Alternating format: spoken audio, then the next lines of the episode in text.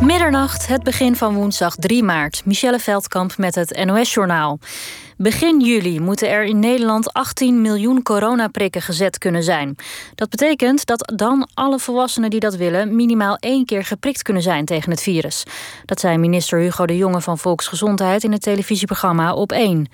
Eerder ging het kabinet er nog van uit dat het tot het begin van de herfst zou duren... voordat iedereen tenminste één keer gevaccineerd zou zijn.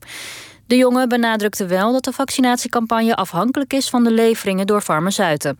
Bij tegenvallers kan er meer tijd nodig zijn voordat iedereen is gevaccineerd.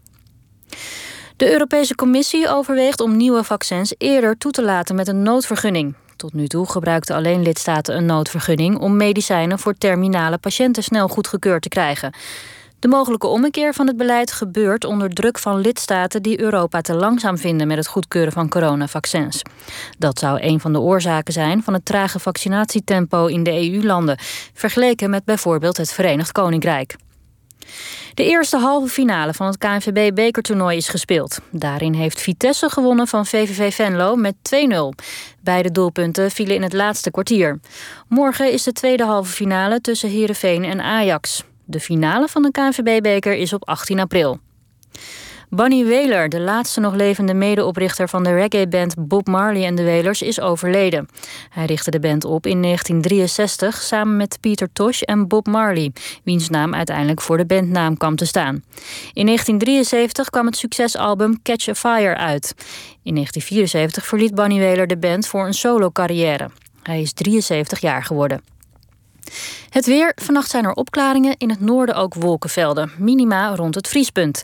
Morgen weer veel zon bij 10 tot 16 graden. Op de Wadden een stuk frisser. Donderdag regen en lagere temperaturen. Daarna weer wat meer zon.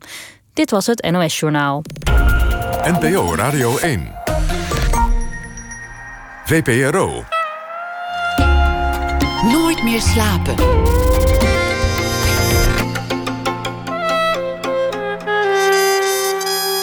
Met Pieter van der Wielen. Goedenacht en welkom bij Nooit meer slapen. In de roman Melktanden voert een bedrogen vrouw het plan uit dat ze ooit smeden met haar geliefde. Een reis langs pretparken en achtbanen.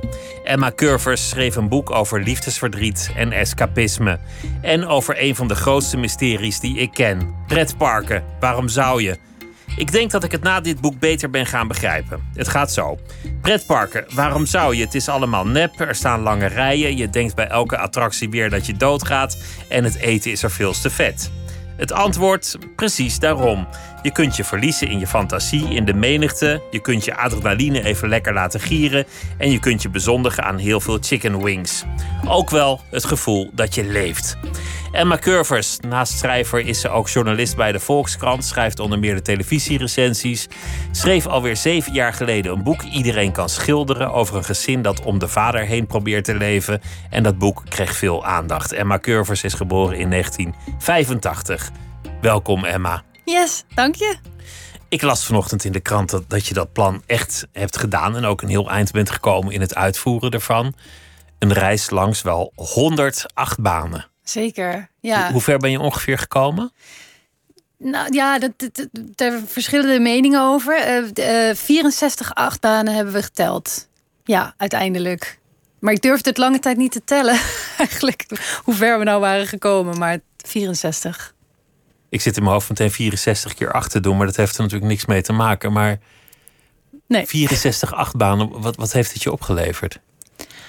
Uh, wat heeft me opgeleverd?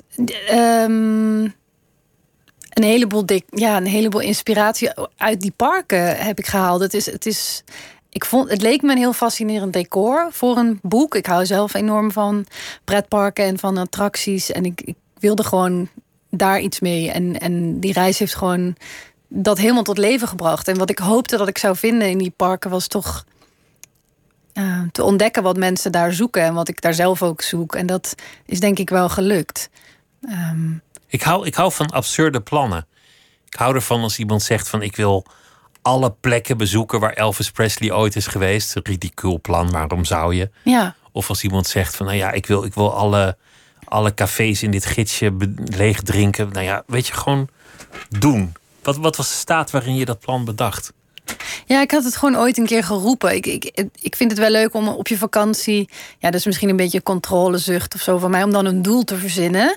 Dus Amerika is zo'n vreselijk groot land. En het is ook het, land waar die, die pretparken zo'n beetje zijn uitgevonden. Dus ik dacht gewoon, wat nou als je daarheen gaat en het dan verkent aan de hand van die pretparken. En vanuit dat perspectief dat land ook bekijkt. Wat leer je dan over... Reis met een doel en een, en een duidelijke opdracht. En een orde. Een soort, uh, ja. Dus op die manier orde scheppen in, die, in dat onoverzichtelijke uh, land. Dat was een beetje het idee. En dan roep je gewoon honderd. Van ja, honderd. We doen er honderd. Eh, ik had helemaal niet nagedacht of dat realistisch was. Nee, dat was niet realistisch. Maar um, ja, je moet wat verzinnen en dan ga je maar op pad. Ik ben een beetje bang dat ik een soort van een karikatuur van mezelf word als ik zeg: ja, maar pretparken zijn toch helemaal niet leuk? Dus, dus ik, ik, ik, vecht er tegen om dat te zeggen. Wat, wat is er leuk aan pretparken? Leg, leg me uit wat, wat de, de pret ervan is. Ja, nou ja, je hebt natuurlijk deels ook gewoon gelijk. Pretparken zijn ook verschrikkelijk. En, en heel commercieel en vol. En allemaal jengelende kinderen. En, en heel smerig eten. Waar je dan ook nog heel veel geld voor. Allemaal waar. Maar um, ik heb toch altijd wel die, die lol die je als kind, ik weet niet of jij dat hebt gehad, als je in een attractie gaat, die, die magie van zo'n verhaal waar je dan eventjes deel van uitmaakt, dat heb ik wel altijd eigenlijk gehouden. Um, ja, dat, daar kan ik nog steeds heel, heel erg in opgaan in die verhalen. En um, ja, wat is daar leuk aan? Je bent echt onderdeel van een verhaal. Een verhaal kan je, kan je ook horen als een fantasie. Ja. Dat, dat is het misschien in, in zekere zin. Shaki en de chocoladefabriek en de glazen lift. En, en hier is je ticket en dan kom je in een soort wonderlijk paradijs waar alles mogelijk is. Ja, zo voel ik me soms ook wel in, in een pretpark eigenlijk. Wel, ik laat me heel graag betoveren door die dingen. En dan ben ik ook niet bezig met kijken, dit is nep. En, en achter die façade zit, zit gewoon uh, containers met, met vuil. En daar, loopt, daar doet Mickey Mouse zijn, zijn hoofd af of zo. Ik ga er gewoon vol in mee en ik, ik stuit er daar gewoon rond. En dan wetende dat het allemaal natuurlijk gewoon mensen in pakken zijn. Het maakt mij echt niet uit. Het is gewoon het ultieme escapisme. Je hebt, je hebt besloten, vandaag wordt een grappige dag en we gaan, we gaan dit doen. Ja. Wat, wat voor pretparken zijn er allemaal? Wat voor achtbanen ben je allemaal tegengekomen? In wat voor variaties komen die? Oh ja, een heleboel. We hebben heel veel van die klassieke houten achtbanen langs de kust gezien. Die, die er dan soms echt al eh, bijna honderd jaar staan. En die enorm rammelen en ratelen. En waar je gewoon zo'n heerlijk uitzicht hebt over eh, Santa Monica of Santa Cruz of zo. Maar in de parken is het natuurlijk wel ja, de stalen achtbanen die echt steeds groter en bizarrer en nog gekker moeten kunnen en, en sneller. Dus daar ga je dan ook allemaal in.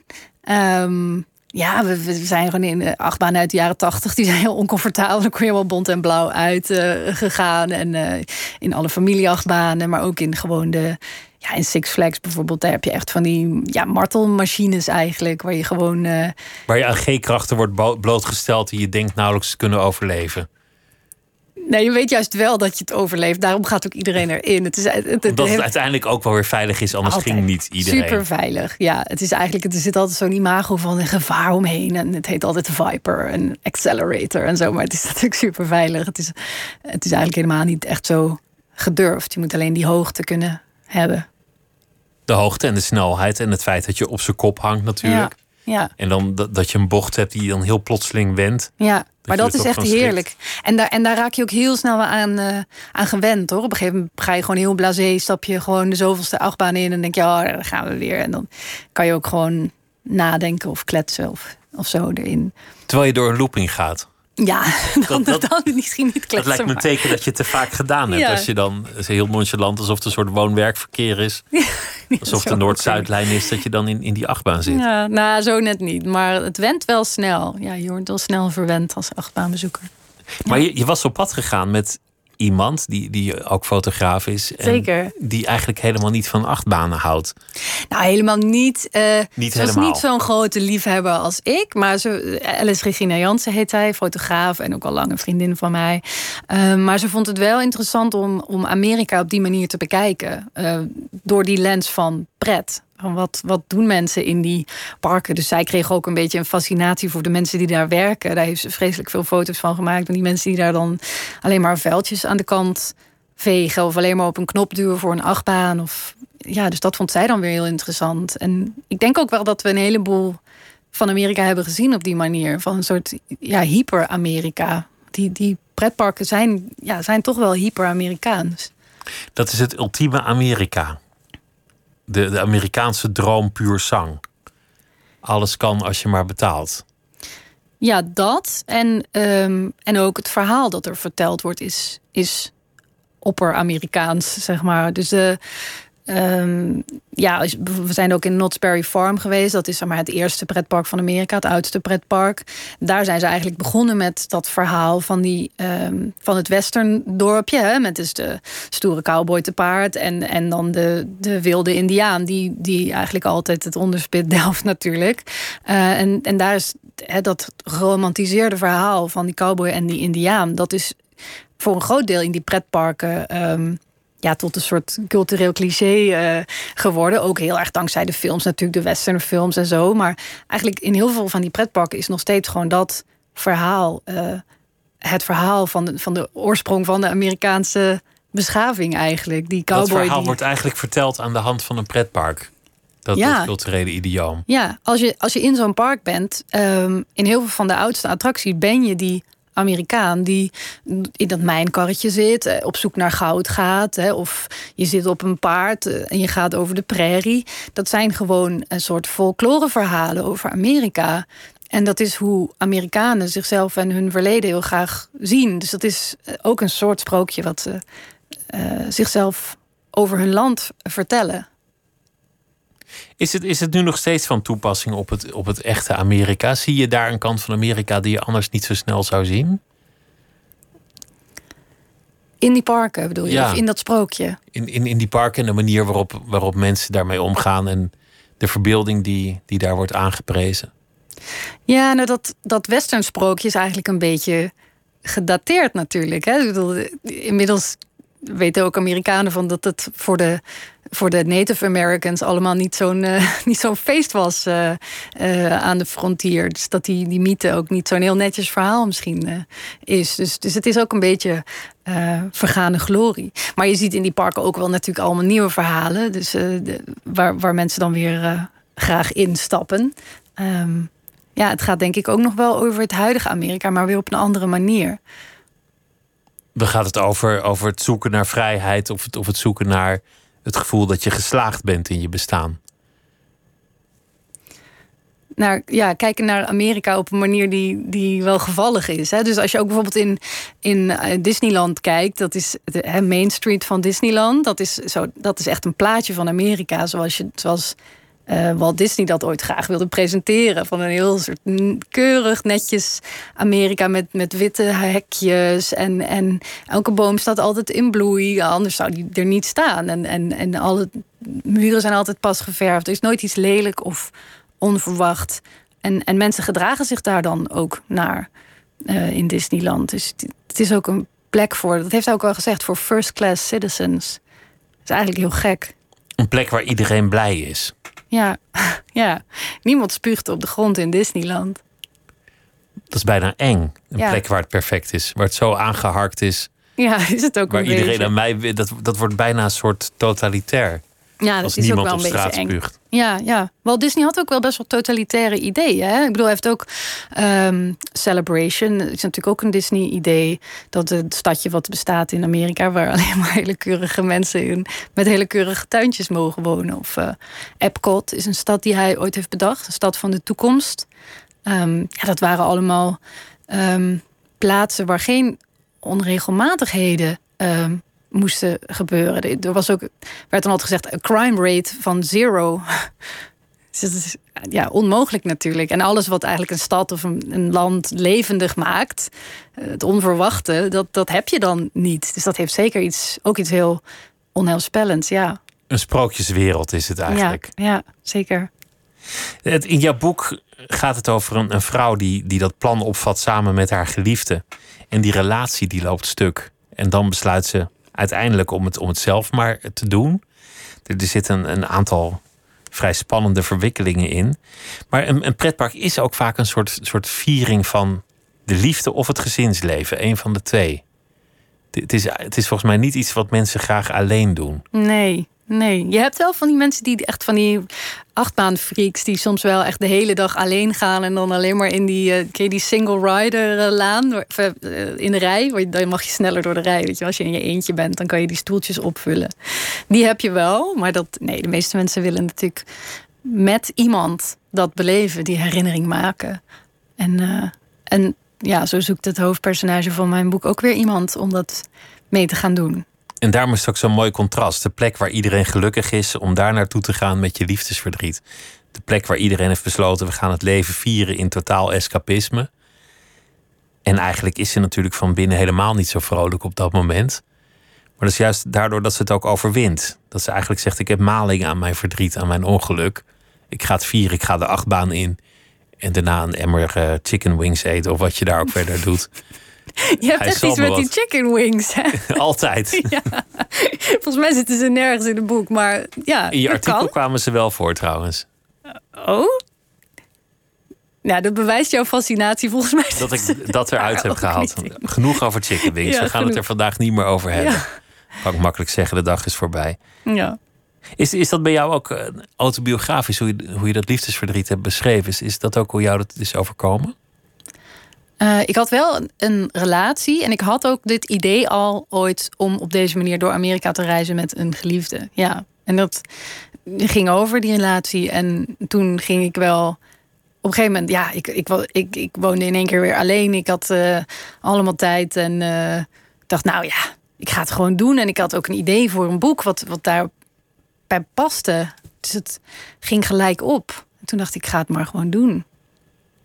Want je, want je beschrijft dat einde van die relatie zo fenomenaal wrang en gruwelijk en meedogenloos.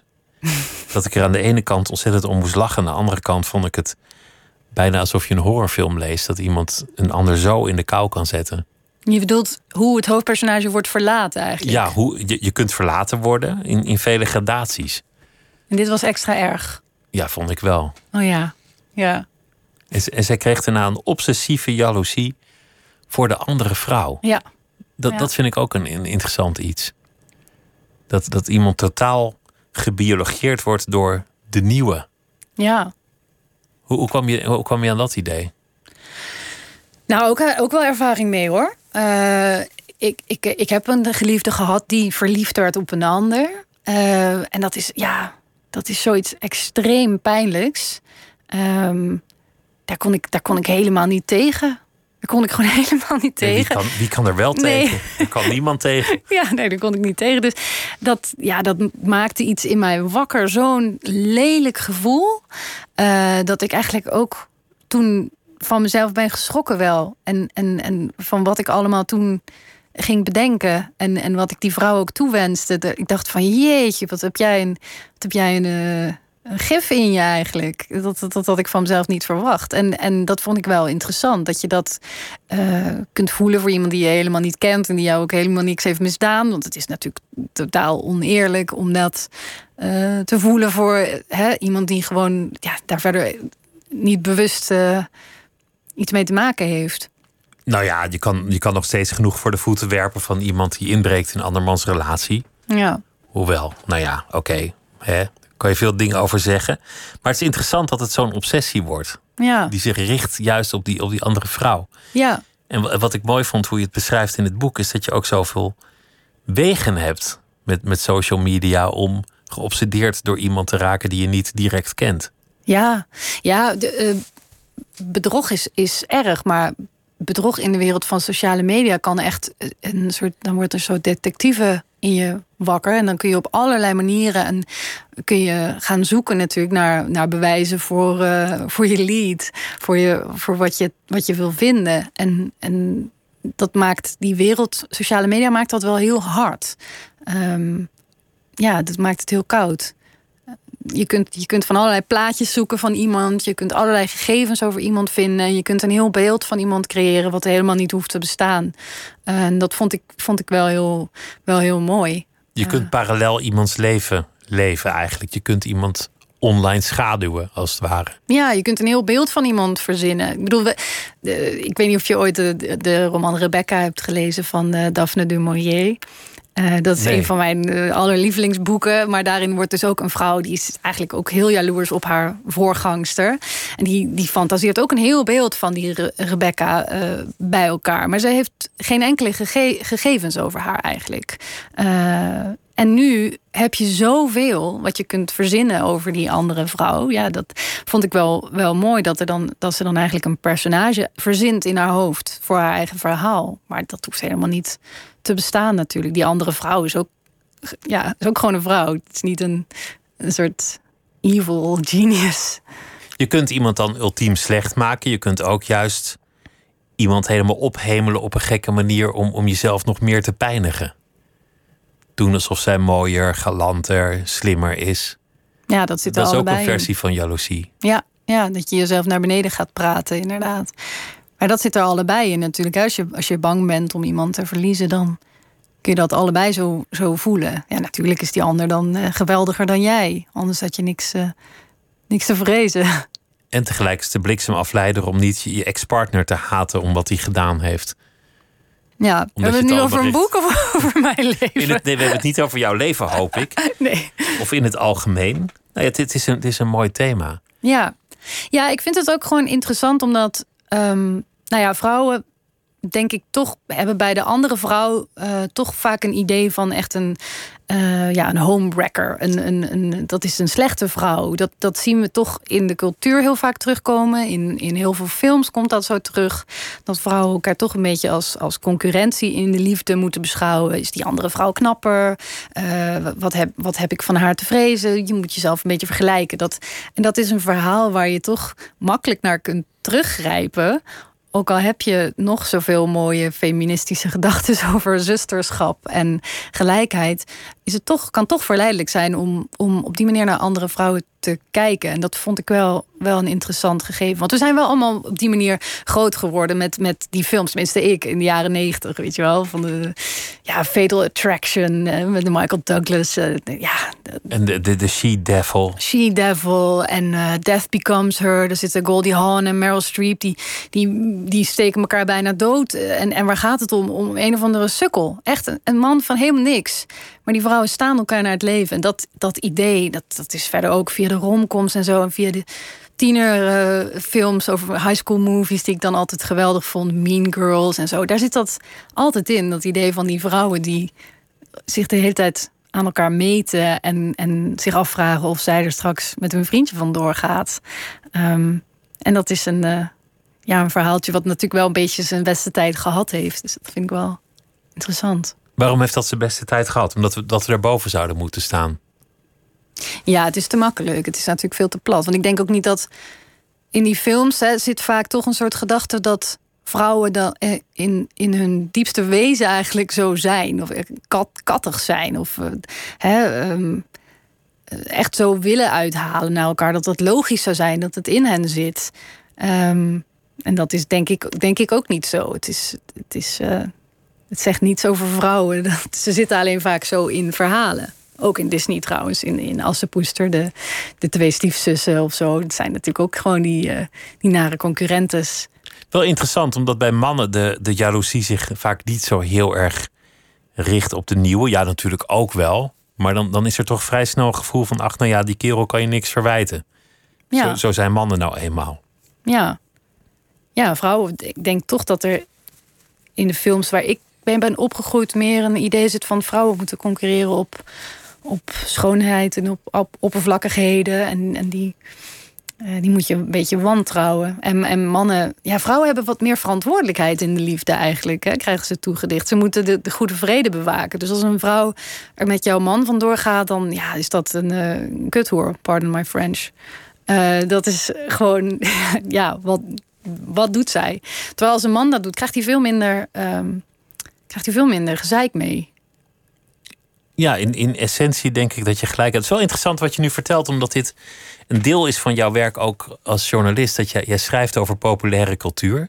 Je hebt heel veel geschreven over film. Je bent hoofdredacteur geweest van Cinefiel. En dat, dat is vaak een inspiratiebron voor artikelen, populaire cultuur. En dan probeer je iets te weten te komen over de, ja, de zachte kant van de samenleving, als ik het zo mag noemen. Ja. Ja, dus dus niet, niet een, een artikel over de politieke ontwikkelingen of, of de, over het pensioenplan of zoiets. Maar journalistiek die echt gaat over mensen en samenleving. Ja, ja hoe mensen samen zich bewegen en wat daar voor ontwikkelingen in zijn. Ja, dat vind ik interessant. Het is nooit zo heel erg. Het is nooit hard nieuws, inderdaad, waar ik me mee bezig hou. Maar je hebt ooit kunstacademie gedaan en dan word je opgeleid om zelf films te maken. Ja. Wat is er gebeurd? Ja, ik vond films maken eigenlijk wel best een veel gedoe. Uh, je hebt toch al gauw een man of tien nodig. En die moeten dan allemaal hetzelfde willen en doen en zo. Ja, dat vond ik eigenlijk maar een gezeur. Ja, als er iets gedoe is, is het film maken. Oh man, echt. En toen, en toen ontdekte ik wel dat ik het eigenlijk al leuker vond om, om erover te schrijven. En, en dat ik daar ook wel wat van kon, dat hoorde ik dan terug. Dus, dus toen ben ik zo'n beetje die kant opgerold. En, en liet ik het filmen maar aan anderen over. Al gauw. En zo werd je filmjournalist, maar inmiddels heb je een nog interessantere opdracht. Je schrijft voor een deel over televisie, maar ook voor een deel over allerlei onderwerpen die langskomen. En soms geïnspireerd op populaire cultuur, maar soms ook gewoon op eigen observaties, maar altijd over de, nou ja, de, de samenleving, als ik het zo moet noemen. Ja, ja. Kijk gewoon altijd naar, ja, gewoon goed om je heen kijken van wat, wat, zie, je, wat zie je gebeuren. Uh, dat kunnen hele kleine dingen zijn. Het liefst vind ik iets kleins wat dan weer iets zegt over iets groots eigenlijk. Klinkt het nou raar? Ja, bijvoorbeeld ehm, nu de, de, de inburging van de haartransplantatie. Dat vind ik dan heel interessant. Hoe, hoe allemaal beroemde mannen uh, ineens hun haartransplantatie op sociale media zetten. Is dat zo? Ja, dat is ja, me ja. weer helemaal ontgaan. Ja, ja, ja, dat doen ze. Ja, ja. Ja, eerst waren er de voetballers en de artiesten, twintig jaar geleden of zo, die dat allemaal deden. En, maar sinds een jaar of tien is het heel rap gegaan. En de afgelopen jaren heeft, heeft, uh, heeft, hebben heel veel beroemde mannen uh, uh, een haartransplantatie. En die is dan gesponsord. Dat zetten ze dan op Instagram. En dan zeggen mensen, oh wat moedig dat je dit bespreekbaar maakt. Dat vind ik dan interessant. Hoe komt dat dan? Waar komt het vandaan? En dat is als je kaal wordt, dat je dan haar van elders of van iemand anders laat implanteren. Ja, net als je eigen haar. Hè? Dat halen ze zeg maar uit de, de, de eeuwige haarkrans hier onderin. Die altijd blijft uh, staan. Uit je nekhaar. Verhuizen ze weer naar boven. Ja, je hebt zeg maar zo'n die, die band rondom, de kapelaansband. Die blijft altijd. Ja, dat vind ik dan interessant. Om te kijken van, uh, hoe zit dat? Jouw, jouw eerste roman, dat, dat is alweer uit 2014 die, die is omgeven geweest door een reusachtige hoeveelheid publiciteit, omdat er een kort geding was.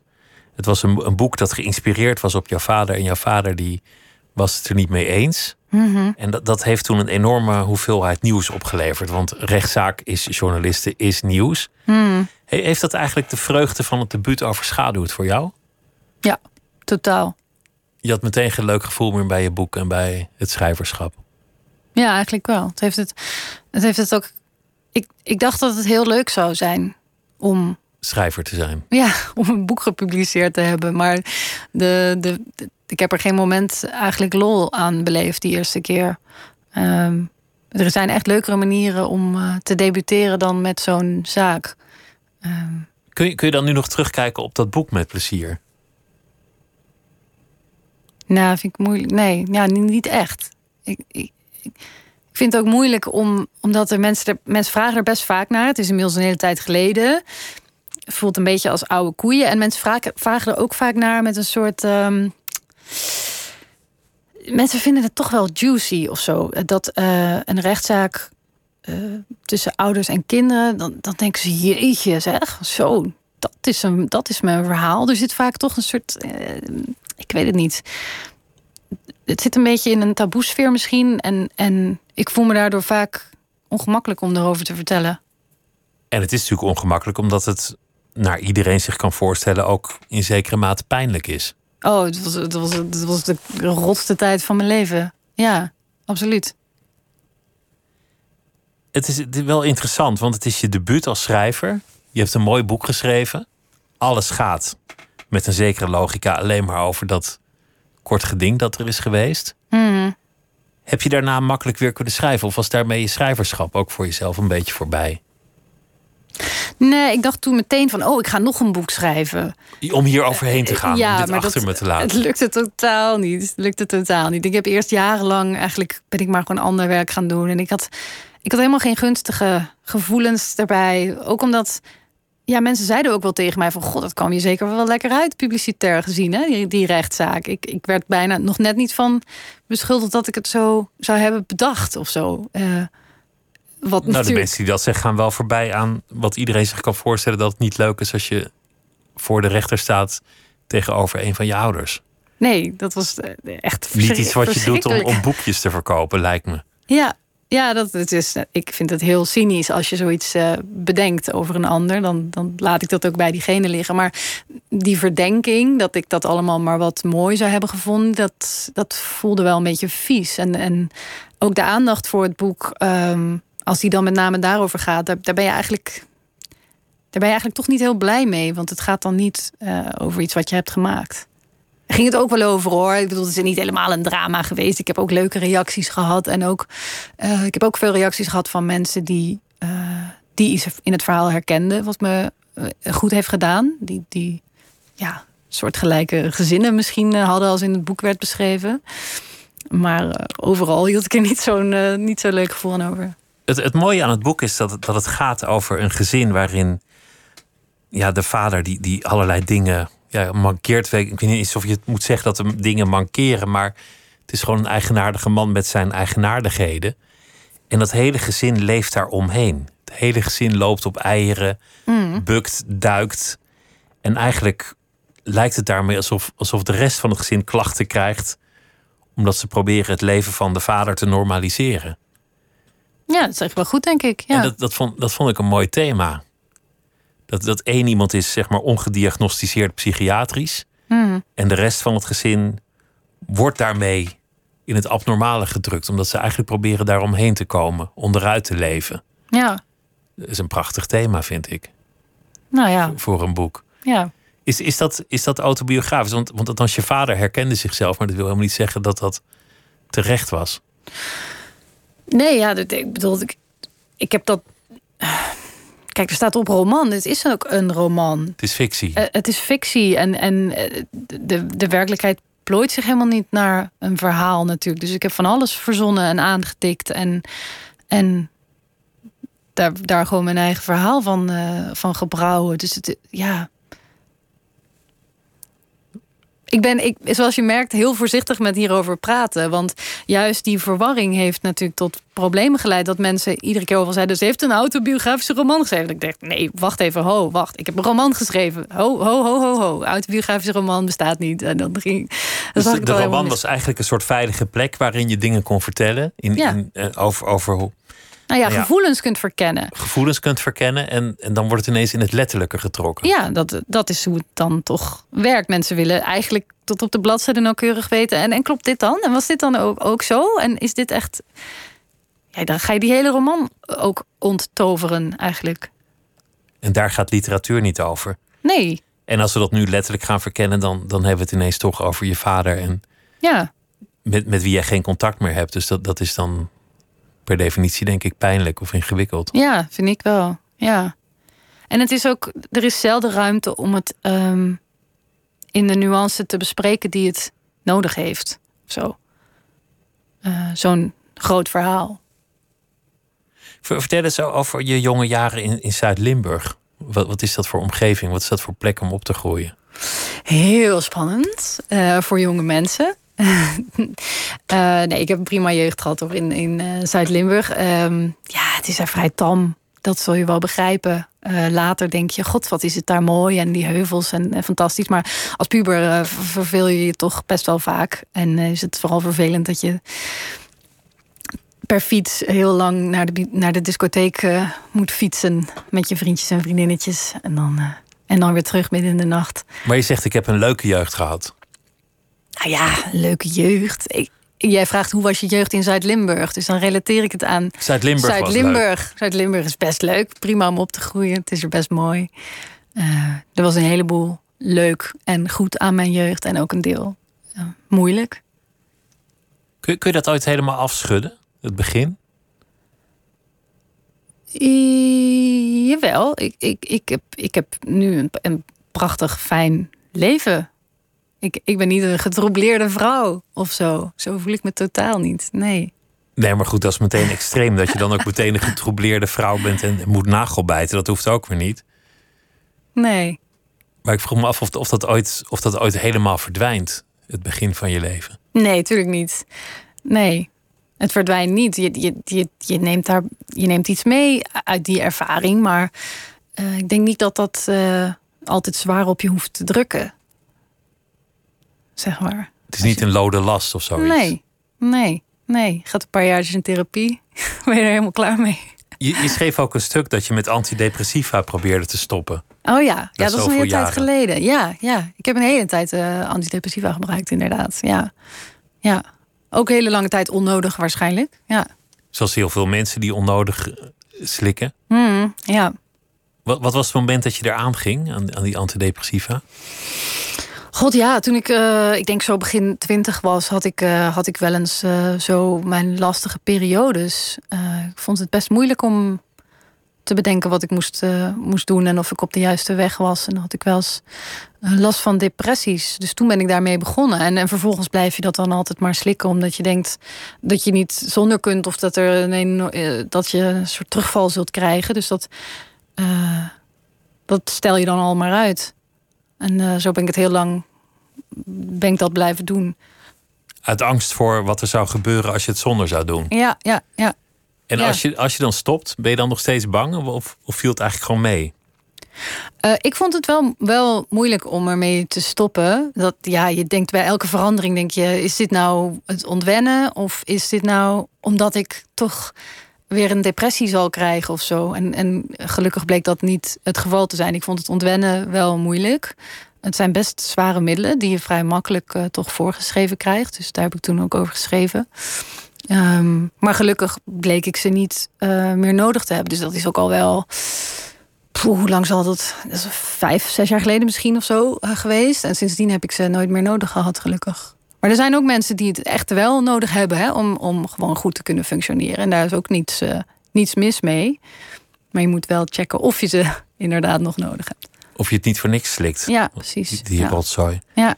Is, is dat risico op depressie, is dat altijd met je meereist? Heb, heb je dat gevoel? Ik ben er wel alert op. Uh, en ik sport, ik sport gewoon tegenwoordig uh, best veel. En ik denk dat dat uh, heel goed voor me is. Ja de endorfines een beetje hoog houden. Ja, ja precies. En, dat soort dingen. Wat, wat, wat, is dat eigenlijk in jouw geval, een depressie? Waar, waar gaat het dan over? Poeh, je gaat nu wel heel ver terug in de tijd hoor. Want dat voelt als verleden tijd voor jou. Ja, echt wel. Als een ander leven. Ik, ik, ik, ik voel dit helemaal niet als een. Um, dit voelt helemaal niet als mijn leven waar we het nu meer over hebben. Snap je?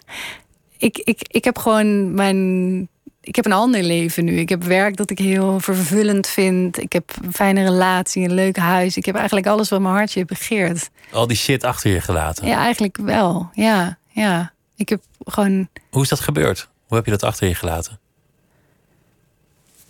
Nou, ik heb, ik, ik heb ooit gewoon de beslissing genomen om uh, bijvoorbeeld naar Amsterdam te verhuizen. En om te gaan proberen om geld te gaan verdienen met schrijven. Wat ik toen best een uh, gewaagde stap vond voor een meisje uit Zuid-Limburg. Eh, wat ook niet per se iets is wat mensen je aanraden uh, als je daar woont of uh, de beroepskeuzetest hebt gedaan. Dan komt daar niet uit, word freelance journalist bijvoorbeeld. Um, dus dat was denk ik een heel belangrijke zet voor mij om, om uiteindelijk iets te gaan doen waar ik echt gelukkig mee zou worden. Om je eigen leven te gaan leiden. Ja, ja, ja. Was dat moeilijk in het begin? Ja, want je moet heel veel gratis werken. Als je net voor niks. schrijft, ja, voor lullige blij. Oh, sorry, ja, nee. Heel bedankt voor de kansen allemaal.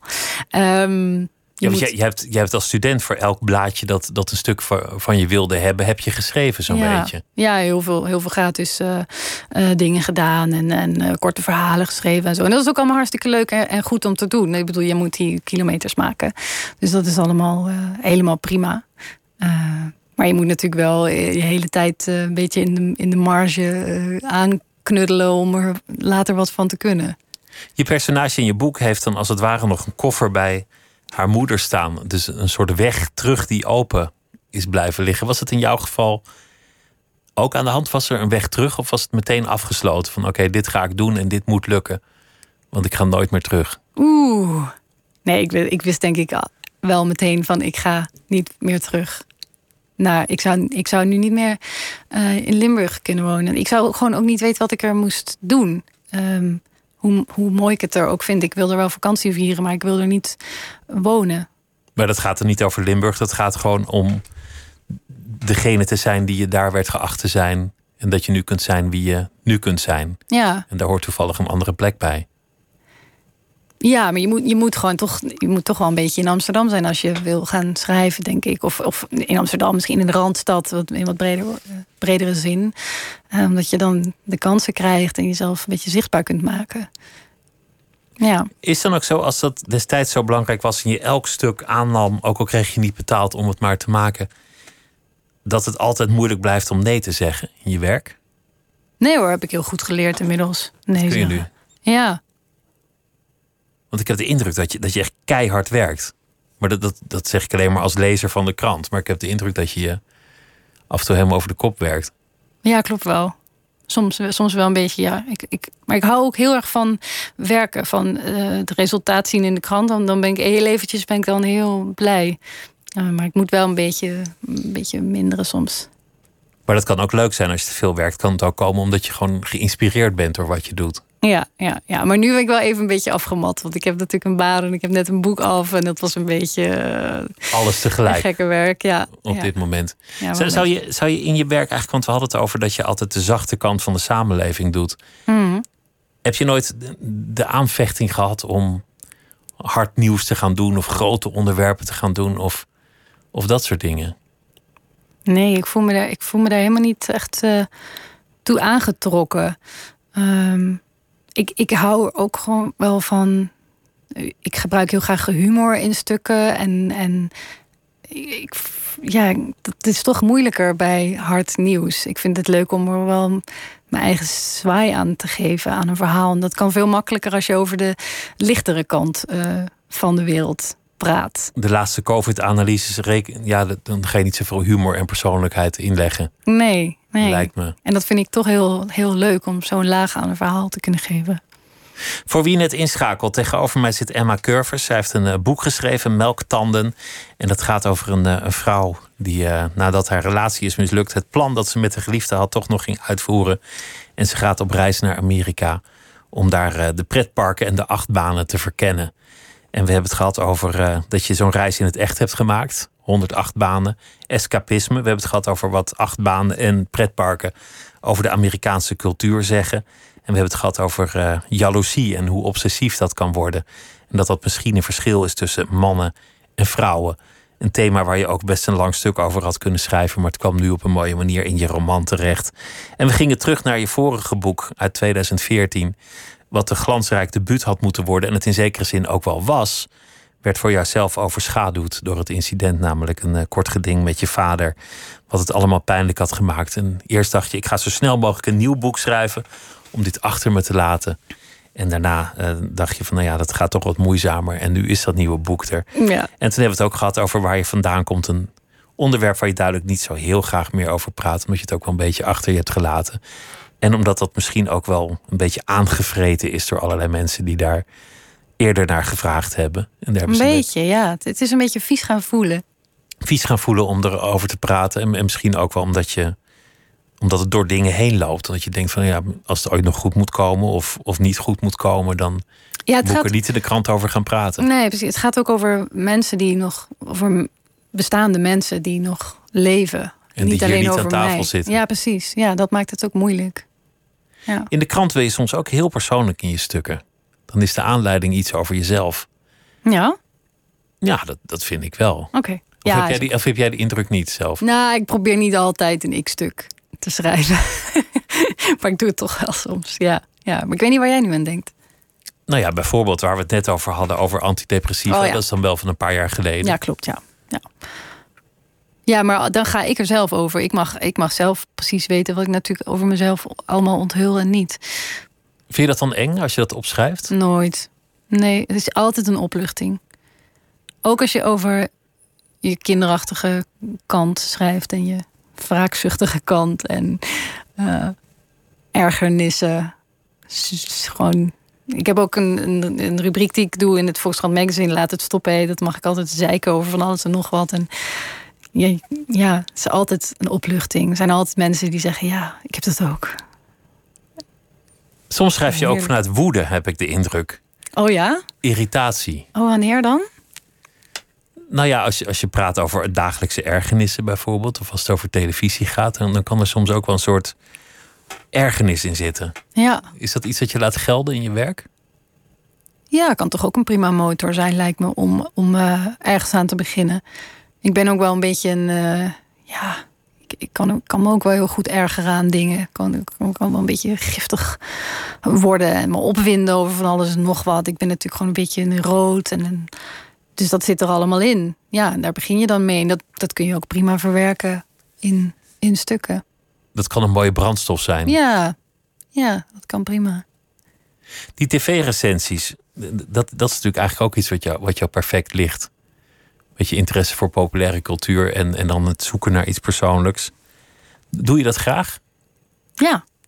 Ik ben het eigenlijk steeds leuker gaan vinden wel de afgelopen jaren. Ik weet niet of ik het eeuwig uh, zal doen, maar televisie is toch wel, uh, wel interessant. Wat, wat vind je zo interessant? Wat zijn de dingen waar jij naar zoekt? Wat zijn de momenten dat je, dat je denkt, ja, hier doe ik het voor? Oeh.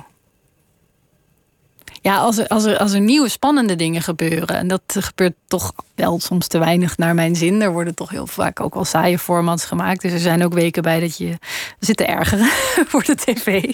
Wat je net zegt. En dan schrijf je daar een stukje over. Maar um, ja, ook eigenlijk uh, vooral sinds, sinds de coronacrisis is er ook een heleboel uh, creatieve televisie gemaakt. Er is er een heleboel bedacht, een heleboel manieren bedacht om, om toch door te gaan. En een heleboel nieuws op, op tv verschenen. wat ik heel leuk, spannend vond eigenlijk. Wat voor dingen? Noem eens voorbeelden. Nou, helemaal in het begin had je echt die tijd dat iedereen ineens gewoon in zijn, in zijn woonkamer dan maar tv ging maken. En, en televisie ging eigenlijk een beetje meer op het internet lijken. Ineens kon alles gewoon worden uitgezonden. En, en er was geen enkele uh, kwaliteitseis meer, aan, leek het wel, aan, aan beeld of, of geluid. Iedereen deed gewoon FaceTime, uh, wasrek op de achtergrond, kleuter aan je been. Maakt niet uit, gewoon uitzenden die hap. Het was gewoon een soort, dat was eigenlijk best wel spannend en, en leuk. Gewoon als het verhaal maar verteld kon worden, dan dan waren we erbij. En dan daarna werd alles helemaal in banen geleid natuurlijk. Toen kreeg je de tussenschotjes, de plastic tussenschotjes. En, en bij heel Holland bakt een soort van, doen ze dan een soort van plastic spiegeltje tussen de mensen of zo. Dat zou dan ook iets moeten tegenhouden. Ik vind dat wel heel grappig om te zien. Er wordt nog steeds televisie gemaakt. Zonder publiek, zonder mensen in het stadion. Ja, het is toch echt super interessant wat er dan allemaal gebeurt. De eerste keer dat Matthijs van Nieuwkerk daar zat zonder publiek voelde dat ontzettend raar. En in no time was het gewoon dat talkshows geen publiek hadden. Ja. En al vrij snel hadden we dan een opgetrommelde viroloog in zijn, in zijn wat slordige studeerkamer via een wat bibberige Skype-verbinding. En dan dacht je dan, ja, dat, dat moet dan maar even. Ja. En in no time zag je inderdaad kinderspeelgoed en wasrekken. Of echtgenotes in, in badjas die op de achtergrond heen en weer schoffelden. Ja. Eigenlijk hilarisch, want daarbij werd tv ook een beetje ontheiligd. Ja, precies. Ja. ja. Het sacrale ging er gewoon meteen vanaf. Het hoefde niet meer zo keurig allemaal. Dus ja, ook series zoals frontberichten of zo. Wat dan gewoon alleen maar filmpjes die mensen zelf hebben gemaakt aan elkaar. Hup, op tv. Want het is gewoon het is relevant. Het moet, het moet worden vertoond. Dat waren dan mensen uit de zorg hè, die hun eigen belevenissen uh, filmden. Uh, ja, super spannende tijd eigenlijk voor televisie. Tegelijk ging het allemaal wel over angst. Dat frontberichten, alleen, alleen de titel al. Er is een front, alsof er een oorlog is.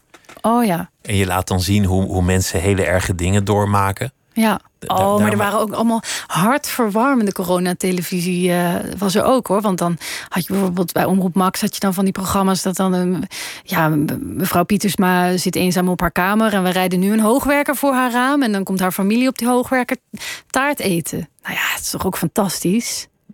Ja, vind ik ook heerlijk om te zien. Van die, ja, toch een beetje tuttig, toch wel, maar hartverwarmende televisie, vind ik de, het vak van tv-recensent is eigenlijk iets wonderlijks. Je hebt aan de ene kant de, de mensen die hard uithalen, de critici, die zeggen nou de, de winnaars en de verliezers.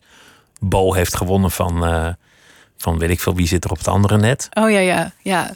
De, de, de sportverslaggeving. Ja, ja, die houden echt die kijkcijfers in de gaten alsof het een soort uh, toernooi alsof het een soort race is, een, ja, toernooi. Ja, ja, En dan heb je de wat ouderwetse kunstachtige tv-recensent... Die, die op zoek gaan naar de parel die de Nipkoff moet winnen. Ja. En eindelijk was er weer iets moois op tv. En dan is het een of andere nou ja, serie met de trein door Bulgarije of zo. Ja, ja. Maar, maar wat, wat een jij hele doet, moeilijke documentaire over Siberische gay-boerinnen. dat soort dingen. Zo, ja. ja. Maar, maar jij, jij gaat echt op zoek naar de samenleving. Of, of naar, naar wat, er, wat er aan het veranderen is, de cultuur. Ja, ik, ik hou ook wel van, van. Ja, niet, het hoeft voor mij allemaal niet per se. ehm, ja, ik, ik hoef niet altijd die moeilijke documentaire. Eh, ik vind ook bijvoorbeeld reality-televisie super interessant. Wat we daarin allemaal zien, dat wordt ook super goed bekeken. Datingshows, eh, ehm, Prince Charming of eh, Kopen zonder kijken op RTL 4. Dat zijn gigantische hits. Dat vind ik allemaal net zo interessant als die moeilijke documentaire. Wat, wat vind je daar zo interessant aan? Wat, wat zie je daar? Wat haal je daaruit? Ja, dat zijn natuurlijk formule, formules die ook iets, weer iets zeggen over de, de wereld. Dus je kijkt naar Kopen zonder kijken. Ken je dat programma? Nee? Ja, het is een RTL-programma waarin mensen die kunnen geen huis vinden. En die laten dat programma dan een huis voor hen kopen. Dat is natuurlijk eigenlijk vrij bizar dat je dat, dat, je dat doet. Ja, nou ja, dat kan En wel van hun eigen geld. ja, van hun eigen geld. En dan kopen die mensen een huis en dat richten ze in. En dat richten ze dan eigenlijk allemaal altijd wel een beetje hetzelfde in. En best wel saai. Maar ja, dat zegt toch ook weer iets. Mensen zijn kennelijk zo wanhopig in Nederland om een huis te vinden. dat ze dat uitbesteden aan Martijn Krabbe en zijn team. Ja, ik vind dat ook waanzinnig interessant dat dat dan weer gebeurt. Dat is toch een van de waanzinnigste dingen die we ooit in naam der reality televisie hebben gedaan. En, en, en daar zijn al mensen met volslagen onbekenden getrouwd, zeg maar. Het kan altijd nog weer, weer maffer. En nu zijn mensen kennelijk zover dat ze gewoon vijf ton in een ander zijn hand leggen en zeggen: doe maar wat. Doe, Als je maar een huis voor me koopt. Weet je, ik vind het te gek. Wat, wat zegt dat als mensen zulke grote beslissingen uitbesteden aan de meneer van de televisie? Nou ja, ze, dat zegt vooral iets over de woningmarkt, vrees ik. De totale wanhoop. Totale wanhoop, ja. ja. En, en toch ook ja, reality televisie. Altijd weer wonderlijk wat, wat, wat mensen, waar mensen toe bereid zijn. Wat ze allemaal doen Wat als ze allemaal aangaat. willen doen. Ja, ja, Is dat, is dat dan toch dat ze roem willen of zoiets? nou het kan. Ze willen er toch bij zijn. Dus, ja, en er gebeuren ook wel fantastische dingen. Je krijgt dan wel een huis. Ik zie het eigenlijk misschien wel zitten. om er aan mee te doen. Om, om zelf een groter Ja. huis te kopen. Ik wil ook in kopen zonder kijken. Het is best leuk. Ik, wil- ik wil eigenlijk wel misschien gewoon een keer meedoen. Ja. Ja, echt? Nee, je maakt een grapje. Nee, ik maak niet eens meer echt een grapje. Is toch leuk? Ik, er zijn wel veel van die shows waar ik het ook wel begrijp. Bijvoorbeeld tussen kunst en kitsch of zo. Daaraan meedoen is toch enig? Ja, dat is toch vrij onschuldig. ja, dat is heel onschuldig inderdaad. dan, dan heb je een schilderijtje en dan komt er een man en die zegt dan gewoon, nou ja, het is, ja, ook heerlijk. het is eigenlijk nog best wel wat. En dat weten die mensen stiekem ook al lang, anders, anders doe je niet mee natuurlijk. Maar het, het is wel interessant als, als mensen ja, een soort probleem laten oplossen door de televisie. En als de, de televisie ook die functie overneemt van laat mij maar, ik ruim je kamer wel op. Ik leid je leven wel. Wij vinden wel een echtgenoot. Wij vinden wel een huis. Ja, Wij lossen de familieruzie op. Wij, wij gaan je kinderen opvoeden. ja. We gaan je restaurant een facelift geven. En we vinden de ideale partner voor je. Je krijgt een paar nieuwe borsten erbij. Weet ik veel. Alles is al een keer gebeurd op televisie. Ja, ja. ja, met die nieuwe borst is een beetje uit de mode geraakt. Hè? Dat was toch ook een, een eh, gekke tijd. Dat, dat dan met name vrouwen helemaal werden omgebouwd. Door, Eh, door de tv, ja. Ja, ja, het is toch een beetje, een beetje passé. Omdat- past niet meer in de tijdgeest. Altijd het idee heb met dat soort reality hulpkaravanen... Dat ze, dat ze na de aftiteling ook verdwijnen uit iemands leven. En als dat huis verzakt, dan zou je ze ook nooit meer zien. Het is niet dat Martijn Krabbe nazorg levert, denk ik. Denk je niet? Oh, Of denk jij van wel? ik weet lijkt me wel een puikenvent. Dat hij ja, nog een ja, keer belt. natuurlijk, maar hij is druk. Ja. ja, misschien niet inderdaad. Hm. Wat, wat, wat is eigenlijk nu, nu dit boek uit is, Melktan? En ik, ik heb er echt, echt ontzettend veel plezier aan beleefd. Wat is nu je gevoel over dat schrijven? Ja, wel, wel. Nu denk ik wel... Misschien wordt het ook wel leuk. Misschien is het dit Wordt keer het wel leuk. Misschien wordt het wel gewoon een leuke ervaring. Ja, ja, Heb je al meteen, meteen honger om een volgend boek te schrijven? ja. Ja. Ik heb het ook al wel een beetje bedacht. Echt waar? Ja, maar ja, moet ook weer niet te hard roepen, want dan, dan moet ik het ook gaan, meteen gaan doen misschien. En de vorige keer is dat, zoals we weten, niet helemaal gesmeerd verlopen. Nou ja, goed, dat zijn, dat zijn bedrijfsongevallen. Hmm. Dat is de grootste schrijvers gebeurd. Ja, nou, ik heb echt tussendoor ook echt een, een boek weggegooid. Nog. Dus dat uh, kan natuurlijk ook gebeuren. Dat je een idee hebt en je denkt, dit is het. En dan blijkt toch helemaal niet zo'n goed idee. Een geheel geschreven boek in het prullenbakje van je laptop. Ja. Ja. Hoe lang had je daar geschreven? Ja, wel, weet ik veel, een paar jaar. Maar met heel veel tussenpozen en, en moeilijk, moeilijk doen. En toch eigenlijk niet willen. En trek aan een doodpaard was het wel. En ik heb wel, wel delen van kunnen gebruiken weer. Dus het hoorde allemaal bij het proces. Maar leuk was het ook weer niet. En wat is dan het moment dat je denkt: oké, nou weet je wat? Ja, dat je je eigen werk leest. Alt, delete. ja, dat je je eigen werk terugleest en dat je denkt: oh mijn god, wat ben jij irritant. Wat zit je nou te proberen hier? Verschrikkelijk. Werkt niet. Ik vind die personages irritant. Het is niet, ja.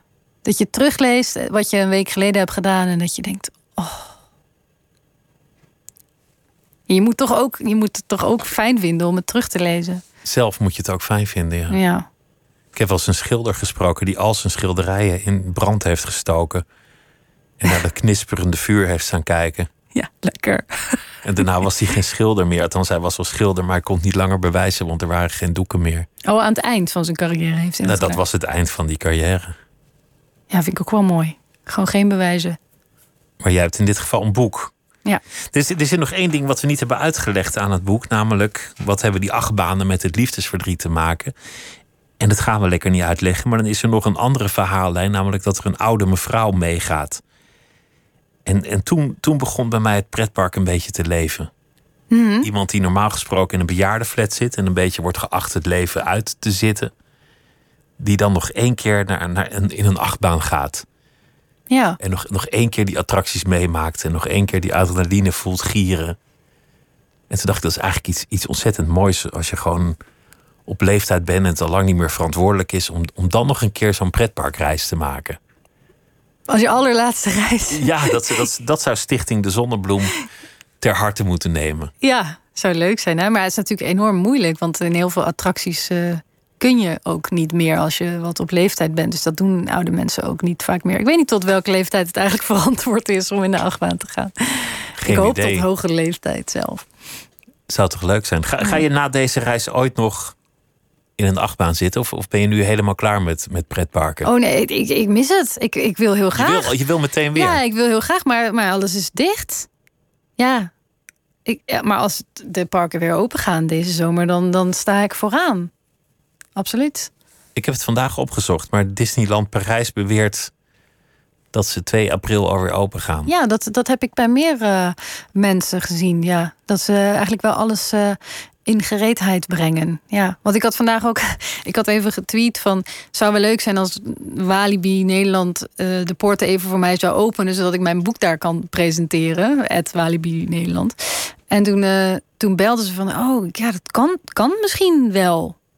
Dus ja, ik stond er helemaal tussen stuiteren. Oh my god, mijn, al mijn dromen komen uit in mijn eentje in een pretpark. Het zou echt te gek zijn. Love you, Walibi. Please, doe het. Dat, dat hangt nog. Dat is Ja. nog steeds mogelijk. Ja. Heel Walibi voor jezelf om je boek Oh te... mijn god. Ja, echt. Dan ga ik echt. Dan ben ik zo blij. Oh, fantastisch. Ik gun je dat. Ik hoop dat het doorgaat. Het boek heet eh, Melktanden. Emma Curvers, dank je wel dat je langs wilde komen. Het was eh, een groot plezier om met je te praten. Dank je wel. Heel gezellig. Dank. Dit was eh, Nooit meer slapen voor deze nacht. En eh, morgen dan is eh, Sakir Kaler hier te gast. En zometeen kunt u luisteren op NPO Radio 1 naar Miss Podcast. Alle oude afleveringen van Nooit meer slapen zijn terug te vinden als podcast... via de verschillende kanalen waar je podcast kunt beluisteren... of de site van de VPRO, vpro.nl. Slash Nooit meer slapen. Goeienacht en tot morgen.